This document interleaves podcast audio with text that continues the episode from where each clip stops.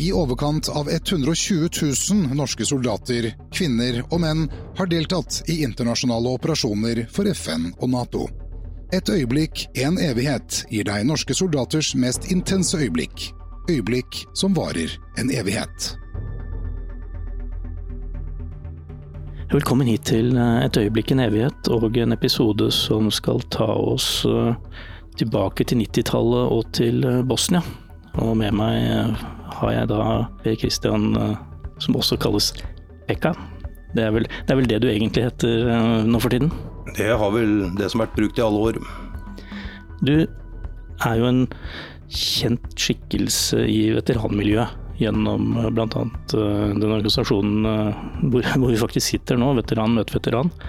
Men det begynte vel med deg som alle andre, at du måtte i førstegangstjenesten en gang? Ja da, hadde førstegangstjeneste hvor jeg havna i på Lillehammer i Sambandet og hadde et par måneder ned på Lagmoen, og så var det oppover til Heggelia i Sambandskompaniet. Og Hyggelia, og der var det fint? Der var det helt genialt, bortsett fra at de den gangen ikke regna med å få en sanitetsmann, så de hadde jo ikke noe sted å sette meg, så jeg havna på børsemakerverkstedet med Grenader Engelsjøen. Ok, Så vi, hadde, vi, har en sambandsmann som er utdanna sanitetssoldat og ender på, som børsmaker? Ja, det var stort sett sånn det ble du gjorde jo, gjennomførte jo tjenesten og var fornøyd med den, den turen? Ja da, jeg hadde det kjempefint der oppe, og det er vel som alle, eller mange andre, at man angrer på at ikke man fortsatte en gang i tida når man fikk muligheten, men det Man er ung og dum og tar en del valg man ikke burde ha gjort, så det Ja, og her valgte du bort eh, militæret for en stund, og du fortalte meg at du dro tilbake til Oslo og begynte å jobbe som uh, delmontør etter hvert? Ja da, det var eh, Kom hjem fra førstegangstjenesten, og da var det ja, Jobba litt som dørvakt, jobba litt eh, som vakt i et eh, legemiddelfirma, og begynte også litt i Norges Bank, den gamle banken, mens den bygde ny bank, og holdt på som vakt der òg. Og så fant du jo da før eller senere, senere ble det jo i de tilfellene ut at du ville ha mer eventyr, du ville, ville reise ut, som det het. Ja da, man hadde jo noen kjente som vært ute og tenkte at eh, ok, når du har jobba noen år, så er det kanskje greit å få en litt annen livserfaring òg. Og, da søkte jeg vel først på Libanon, men da var jeg for sent ute med søknaden. Og så ble jo dette oppdraget i Bosnia på Umpro fortsatt opp, og da fikk en forespørsel om å være med der, og da ble det å hoppe på den. og Vurderte du noe rundt det og tenkte at det var det sånn, det du hadde lyst til å gjøre eller tenkte å gjøre, eller var det bare sånn innfall du fikk når du fikk tilbudet? Nei, det var jo ikke akkurat noe jeg hadde tenkt eh, fælt på, men eh, jeg tenkte at det var jo Sanitetskompani som skulle settes opp. Jeg hadde jo Fikk en del bra kurs i førstehåndstjenesten. Alt fra instruktørkurs, infusjonskurs, ambulansekurs og litt forskjellig. Og jeg har jo holdt på i Røde Kors i noen år i min ungdom òg, holdt på mye der. Og da tenkte jeg at uh, da får man kanskje brukt og få litt uh, mer erfaring på ting. Så da fant vi ut at dette var, måtte prøves. Og det ble toget ned til Jugoslavia, eller Balkan? Ja da, det ble en eh, lang togtur. Vi lasta opp oppe på Haugeseter, og så var det ned utafor Beograd til en leir som het Panchevo, hvor vi kom inn først. Hadde du noen sånn dyp forståelse av hva oppdraget gikk ut på, når du reiste ut? Nei, vi hadde, holdt på å si, ble informert litt om hva som skjedde der nede. Vi måtte litt gjennom politikk og sånne ting, men jeg tror ikke vi alle var Jeg tror ikke jeg tenkte Gikk i dybden. Det var sikkert noen som brukte huet og tenkte mer enn det jeg gjorde. Men uh, vi fikk liksom det vi skulle å gå gjennom, og fant ut at det var greit, og kom nedover. og Jeg tror ikke vi helt alle visste hva vi, hva vi gikk til. For dere landet midt i en, eh, i en, krig. Det var jo ordentlig krig, sånn som eh, man så på TV den gangen. Var det jo ganske voldsomme og brutale scener. Ja da, vi var eh, mange av oss da. Vi var jo satt opp, og vi hadde en gjeng på sykehuset. Vi hadde folk på softskin-ambulanser, og vi hadde jo 113 lag, SISU-lagene, vi var jo en liten gjeng som var på sanitetslag, og vi ble jo fylt ut der det trengtes. Så vi var jo heldige, syns jeg, for jeg var jo på forhånd. Vi var på helikopter oppe på Lørenskog, og vi fikk være med på Medevac-helikopter der nede. Vi var på Sisur, 113 vogner. Vi, noen av oss fikk prøve alt. Og noen av dere var jo involvert i ganske si, dramatiske scener også, med evakuering av sivile, og kom ganske tett på konsekvensene av krig. Ja da, vi ble jo kalt ut. Det var et uh, nedslag på torget Sarajevo, og da var vi en uh, gjeng som ble satt opp og sendt nedover for å evakuere fra sykehusene og til flyplassen. Hvordan var det? Du kommer rett inn i en, uh, en scene som du garantert ikke hadde sett for deg på forhånd? Det er du er jo drilla, så du kommer gjennom det, men du vet at med grunnen til at stort sett alt gikk bra der nede, det var at det var vanvittig mye bra folk. Det var mange av de som var der som eh, har vært ute før òg, som hadde erfaringa, og du rakk rett og slett ikke å tenke på alt der og da. Det var sånn du tenkte på etterpå. Hvordan ser det ut eh, når det har vært et nedslag på et torg? Nei, det er Vi kjørte jo gjennom den berømte Sniper Alley og nedover. Og vi sitter jo inni, så vi ser jo ikke alt. For vi ble jo beskutt, så du kunne ikke stå på lukene. Men eh, vi har vært rundt i mindre steder, og det er klart at du ser eh, Du ser mye dritt. Vi var rundt og Alt fra de som er skadd. Vi har vært i små landsbyer, og vi har eh, henta lik og frakta det rundt omkring. Og, så det var eh, mange av oss som var med på, på mye rart der. Er det noen sånne episoder som, som sitter, som har festet seg, sånn som du uten å blunke kan komme tilbake til? Ja, det er, håper å si, vi var jo noen av oss som ble sendt inn til en liten landsby, og der eh, fikk vi jo vite at uh, det var vel noen eldre igjen, og vi kom dit, og det var uh, det var noen som rett og slett var blitt uh, slakta ned. Og de hadde vel egentlig trodd at ingen brydde seg om de eldre folkene, men det, det gjorde de, så det var å fram med bodybager og pakke dem ned i det. Og det er ikke alltid like stas. For da ser du jo virkelig hva mennesker kan gjøre mot hverandre, og det må jo ha vært ganske kraftig inntrykk? Ja, det var eh, brutalt der nede. Det var forferdelig mye, mye ting rundt omkring. og Det er som vi prata om de andre lagene som var ute. og Vi var jo mye rundt med svensker og dansker. Så vi lå jo ute, mye ute i OP-posisjoner for å skulle følge med hva som skjedde med fronten og registrere nedslag og ting og tang. Og det er klart at uh, fleste stedene vi lå, det var jo utbom, ja, det var utbomba hus, det var å grave seg ned bakken, det var uh, Milankovice-høyden hvor vi starta med lagstelt, og det ble snekra opp litt ting etter hvert. Men det har vært mye soveposer og liggeunderlag rundt omkring. Vi snakket litt tidligere om eh, noen av disse oppdragene som, som dere fikk, eh, og skulle støtte og være, med å evakuere skadde. Noen skadde hadde venta lenge og hadde, hadde, stått i kø for å bli evakuert uh, i, dager og uker, kanskje lenger. Andre var i helt ny, nyskadde, om å få bruke det uttrykket. Hvordan er det å, å, være omgitt av mennesker som Og da snakker vi sånn i titalls pasienter. Hvordan er det å være omgitt av så mye lidelse? Det er det er tøft når det står på der, men igjen, vi hadde profesjonelle sykepleiere, vi hadde en utrolig flink lege, vi hadde befal som var flinke til å sette oss i sving og sørge for at uh, vi gjorde det vi skulle, og det er klart at uh, den gjengen som var med inn der, den var helt suveren. Det, er, det var et uh, ordentlig maskineri som funka bra.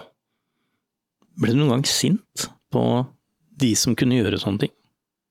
Ja, det var jo mye småting, og vi kjørte jo dialysepasienter, og det er klart at når du er der nede, du prøver å hjelpe, du prøver å bidra inn mot de sivile. Du blir stoppa i CP, du kan bli holdt igjen der i alt fra noen minutter til eh, ja, enkelte ganger satt vi i flere timer og venta på liksom å komme videre med pasienter. Og det er som i, Du tenker at det er jo mye deres eget folk. Og så skal de da lage alle disse problemene. Vi var jo der for å hjelpe. Men eh, Nei, det var eh, mye inntrykk og mye forskjellige ting som var der, og det er mye husker man, og så er det vel noe som man husker litt uh, mindre godt. For eksempel? Nei, det er jo alltid episoder. Vi hadde jo da et uh, vådeskudd hvor han Vidar Grønlien gikk bort, og det var uh, Vi var jo i leir, og jeg og Vidar vi hadde jo prata sammen. Han uh, jobba litt uh, var litt inne med en dyrebutikk, for jeg kjente ei som jobba, og vi drev og brevveksla litt frem og tilbake. og Så jeg hadde mye med han å gjøre. og det er klart at eh, sånne ting eh, Vi sto og snekra på en platting når dette skjedde, men du er inne etterpå, du prater jo med alle rundt, og det er eh, Det var liksom helt uvirkelig at det skulle skje. Ja, for der mistet dere en, en av deres? Ja, da mista vi han. Han var jo i koma og men der òg, de nærmeste rundt den som fikk pulten hjem, de var, og de som var der når det skjedde, det var uh, igjen profesjonelle. Det er helt eh, rått å tenke på egentlig åssen dette fungerte. Og det var vel også noe vi hadde med svenske leger ut. Og det er som de sa òg, at én eh, ting er å stå inn på et sykehus med elapparatet rundt deg, en annen ting er det å fungere ute i felt. Og der var det enkelte av dem som sa at hadde de ikke hatt med sanitetsfolk mye av de dyktige sykepleiere, alt vi hadde, så hadde ikke ting fungert like bra. Følte du at du gjorde en forskjell? At det dere gjorde, hjalp til på noen måte? Ja, vi satt jo Man prata litt, man har tenkt på det i etterkant, og det er klart at uh, man skulle alltid gjerne ha fått gjort mer. Men ut fra hva du har av ressurser, det der å bevege seg rundt omkring Vi kjørte mye dialysepasienter, vi hadde transport av sivile, vi var jo henta dem inn til sykehuset. Så vi var rundt og henta folk som hadde tråkka på miner, og flere som var skadd på, på vi som kom inn. Så det er klart at uh, Vi veit jo det. Det var jo sjukehus òg, vet du, med leger og sykepleiere og alt der. Alle de de behandla der òg. Så en forskjell har gjort, men man skulle gjerne ønske man hadde fått det mer. Fikk du noe inntrykk av krigens gang, liksom? Hvordan, hvem som si, vant og tapte og leder, hvordan det lå an og sånn? Var, var det noe dere var opptatt av? Jeg tenkte ikke så mye på det. Vi lå jo oppå Milankovic, vet du. Du har jo de som var med fronten. Det var jo De var med fronten, de kom gjerne tuslende over haugen når de hadde litt fri. og Vi var jo litt inne i tusla og litt rundt omkring, og det er klart at de fleste er egentlig Det er ingen som liker krig. Folk er jo lei, men det er jo penger og politikk i alt. Og det er det som styrer mye. Når du kom hjem igjen, du tok jo slutt en gang. Eh, du var, eh, du var, i 93 og 94, var vel din tid der nede? Stemmer. Hvordan var det å gå rett over i en, da, en sivil tilværelse, når du kom tilbake fra altså Sarajevo står jo som et symbol på beleiringen og lidelser, egentlig, fra den tiden. Og så kommer du rett tilbake og er, er hjemme i Bærum igjen. Det var jo, holdt på å si, det var jo rett tilbake på jobb. Det var jo ikke, det var jo ikke den uh, du blir ikke tatt imot eh, den gangen. Vi møtte jo noen toller og litt forskjellig, og det var det vanlige hjemkomsten hvor omtrent eh, bare skulle fortere si et par ord til psykologen, og så var det, kall det, fort over. Men det var jo tilbake på jobb, og noen er nysgjerrig og lurer på åssen det har vært. Og... Men igjen, det å prate da med kompiser som har vært ute før. For det, de på jobben, de nysgjerrig med en gang, og så går det over. Og dem er ikke interessert i å sitte og høre på ting, egentlig. Så Men det der å prate ut med gamle kjente, det, det funker. Har du følt at du har eh, klart å ventilere nok opp igjennom? Ja da, jeg har for så vidt vært uh, heldig. Jeg har hatt kontakt med mange av de som var nedover med, og vi har prata sammen og møttes litt innimellom. og det var jo noen år det gikk før jeg liksom begynte da med dette veterangreiene, og da blir det enda mer. Ja, altså, du hadde jo en periode hvor du fortsatte å jobbe som, som sikkerhetsvakt, holdt jeg på å si, som dørvakter rundt ja, omkring, og ja, du nevnte Rosekjelleren og en del andre spennende etablissementer i, i Oslo. Men så kom du inn i veteranmiljøene, får man vel si, da. Kjørte litt motorsykkel og uh, var, med, var, med, de veteranene som drev med det og sånn, og etter hvert så kom du inn i inn, mer inn i det organiserte veteranarbeidet. Var det et bevisst valg, det, eller ble du trukket inn i det? Det var vel håp å si helt tilfeldigvis. Det var en gammel barndomskompis som jeg også var på Balkan med, og som var fra Røde Kors-tida. Han Harry, som vi kaller han, som egentlig heter Arne Melhus, som tipsa meg om at ja, det var noen veteraner i, rundt i Oslo-området som kjørte motorsykkel. Og mente at jeg burde være med på, et, eh, på en samling. Og ble med på det, traff noen av gutta. og Traff eh, den gangen alt fra Jan Heitmann og Trond Werner, Kjell Erik Hallbakk og mange av gamlegutta. Og det er klart at du tenkte den gangen ok, er dette noe man skal Forening og alt skal man styre med ting? Men der ble jeg med. Vi hadde et lokale på Bjølsen. Gutta i Oslo-foreningen var positive. Vi har jo hatt et veteranlokale i Løkkeveien vis-à-vis den amerikanske ambassaden som var før der. og Det var jo et eh, ja, Oppe på Sankthanshaugen var det et lokale hvor vi var innimellom. og det er klart at Når du er rundt med positive folk, og du har liksom styret som var den gangen som var utelukka positive til alt som var, da var det lett å holde på med ting. Og da blir man dratt med. Og så kom du inn i, i kontakt med Kenneth, som, eh, som, hadde en idé om å starte det som nå er blitt eh, Veteran møter. Og det, og det var en litt annen approach. Du kan si litt om hva, hva grunntanken til Veteran møteveteranen veteran er, som, som fikk deg inn i det? Nei, det har jo håpa si Det gikk jo etter mange, mange år. Det blir gjerne mye av det samme. Vi hadde Oslo-foreningen som var positive til mye ting, men uh, traff Kenneth. Det var vel uh, foran Stortinget når de skulle levere tilbake medaljen en gang i tiden. Og da tenkte vi at uh, vi dro opp i Lommedalen, var flere, prata litt. Vi fant ut at vi må prøve å få fram noe av det positive som er, uh, og vil ha fokus på det. Og prata litt sammen. Robert Mood var jo veteraninspektør. Vi var inne og prata med han, og han var jo opptatt av å få en organisasjon som ikke trengte medlemmer, hvor de kunne bidra med midler, hvor vi skulle få til aktiviteter for ikke bare veteranen, men familien rundt veteranen. For den er også forferdelig viktig å, å, få med seg. Ja, for det er på en måte grunntanken bak Veteran møter veteran. At her skal veteranen og familien bli løftet fram og få en, ja, enten en pust i hverdagen eller, eller en eh, god opplevelse av av det samholdet som kan være mellom veteraner, hvis man gjør det riktig. Ja da, vi fant ut det at eh, drar med familien, så er det mye lettere for veteranene å være med på ting. Og inkludering, det er eh, alltid vært viktig for oss å prøve å få med flest mulig. Og det å arrangere ting, rett og slett få til en svær, positiv veteranfamilie, det er eh, noe vi jobber for hele tiden. Og må utvikle oss og bli bedre.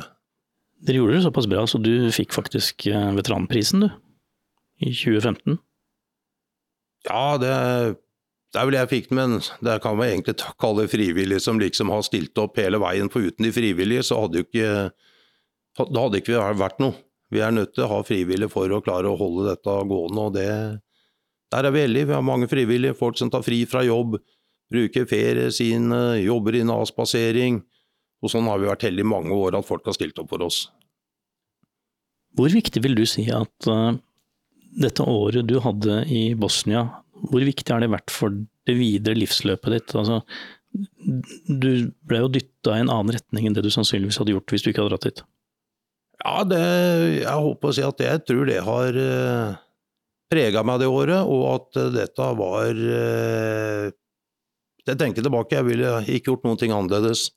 Dette er å holde på med dette nå etter hvert som vi fikk en jobb hvor man kan holde på med dette på fulltid det har vært helt genialt. Og med, kall det med prolapser i rygg og nakke og diverse skader etter arbeidsslitasje, så er det ikke brått sikkert livet som telemontør hadde fungert.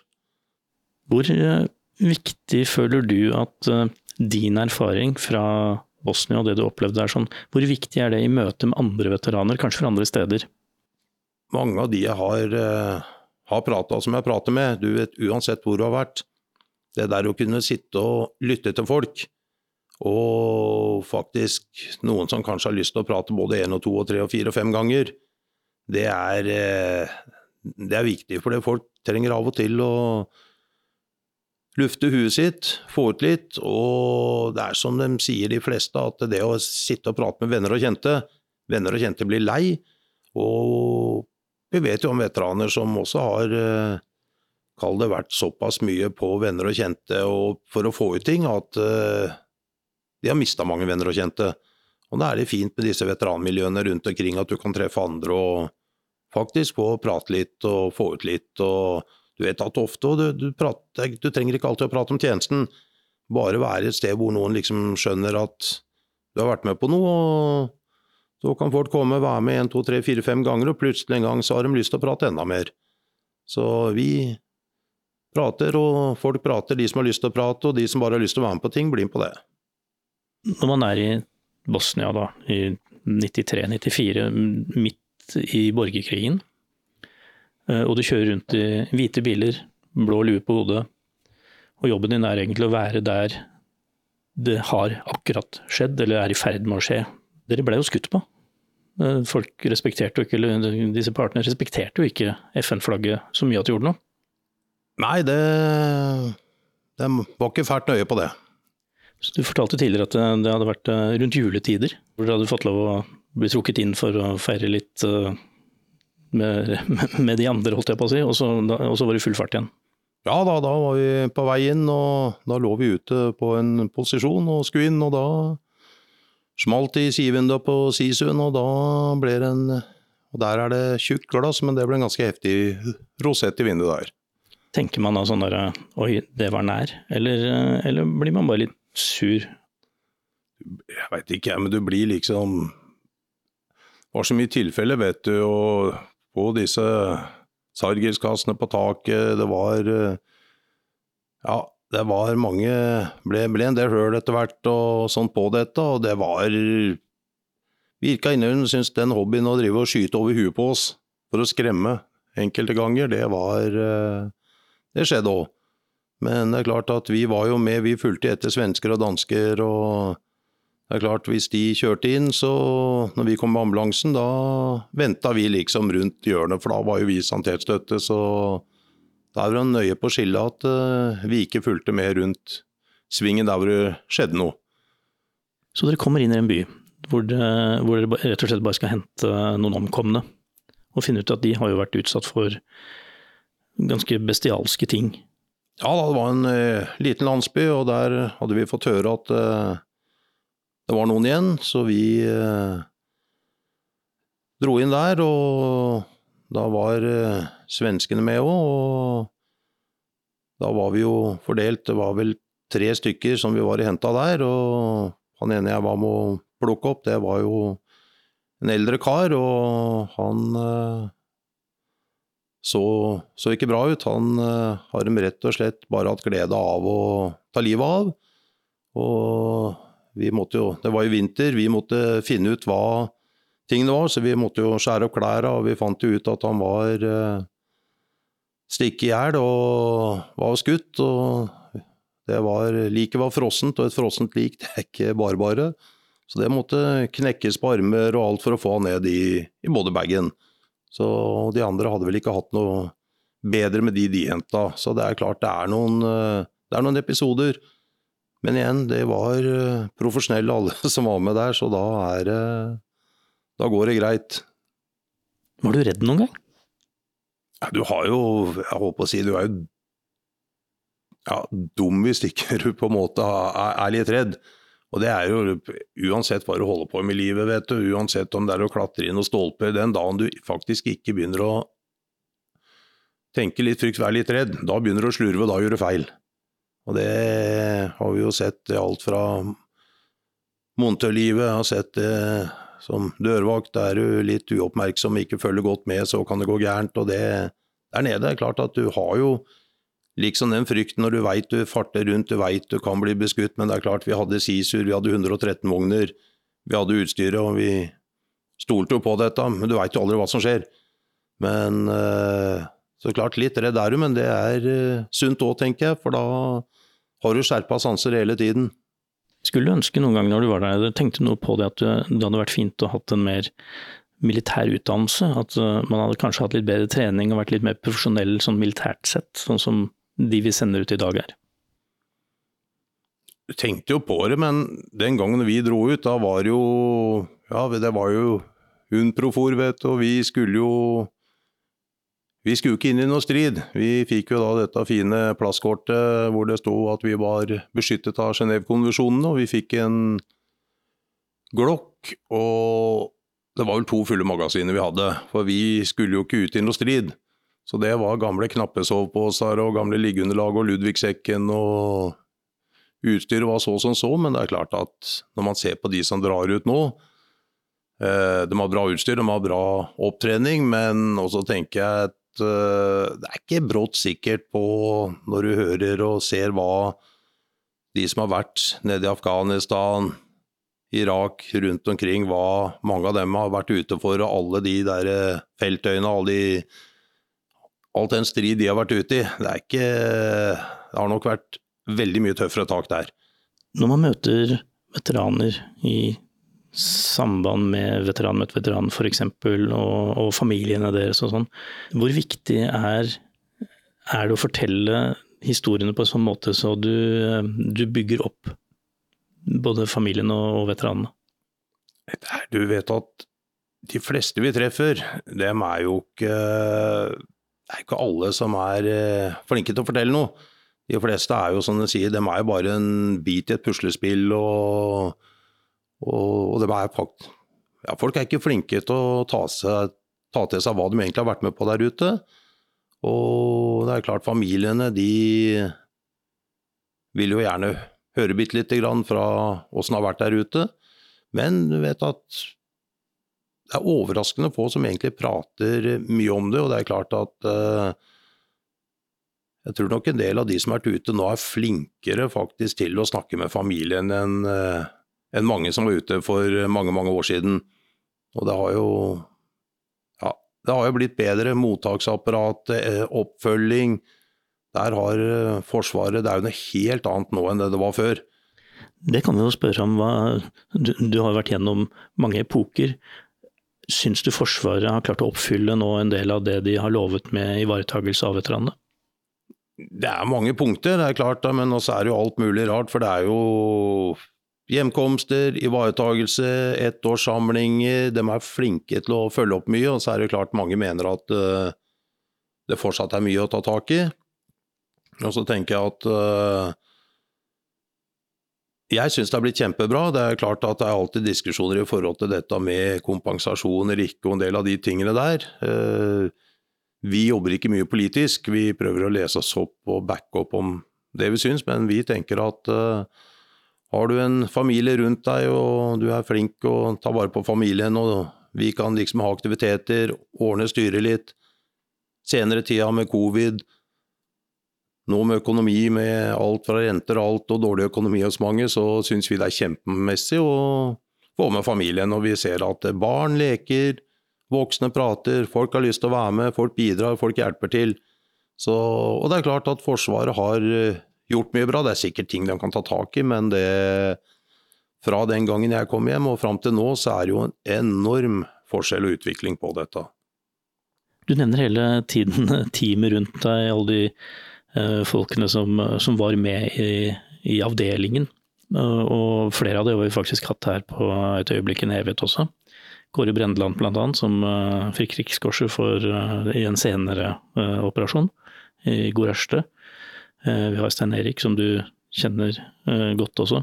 Er det noe tanker du gjør deg når vi, nevner, når vi kommer tilbake og begynner å grave litt i disse minnene med hva, tenker, hva tenker du om hvordan livene til de folkene har blitt nå? Nei, det er artig, for man har jo kontakt med noen fortsatt, og liksom Flere, alt fra han Bjørn Vårdal som var der nede, han driver jo holder på for oss nede i Vestfold og holder på nede på Toros fort. Vi har folk som henger med oss rundt i landet.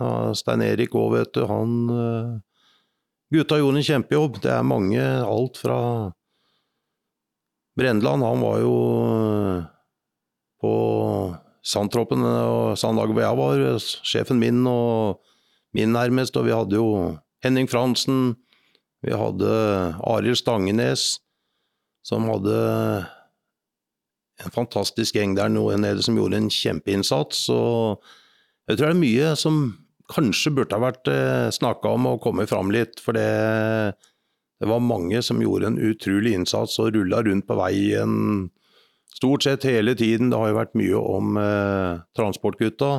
Der er det jo gitt ut bok.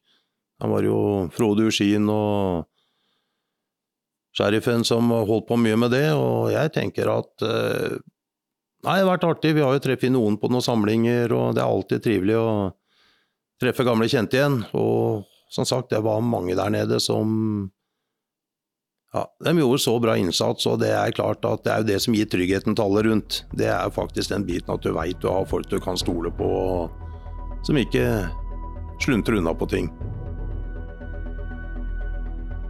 Dette er en av mange unike historier om selvoppofrelse og mot fra våre soldater. Her lar vi soldatene selv fortelle om de intense øyeblikkene, akkurat slik de opplevde det. Historier som rett og slett er blitt et øyeblikk, en evighet.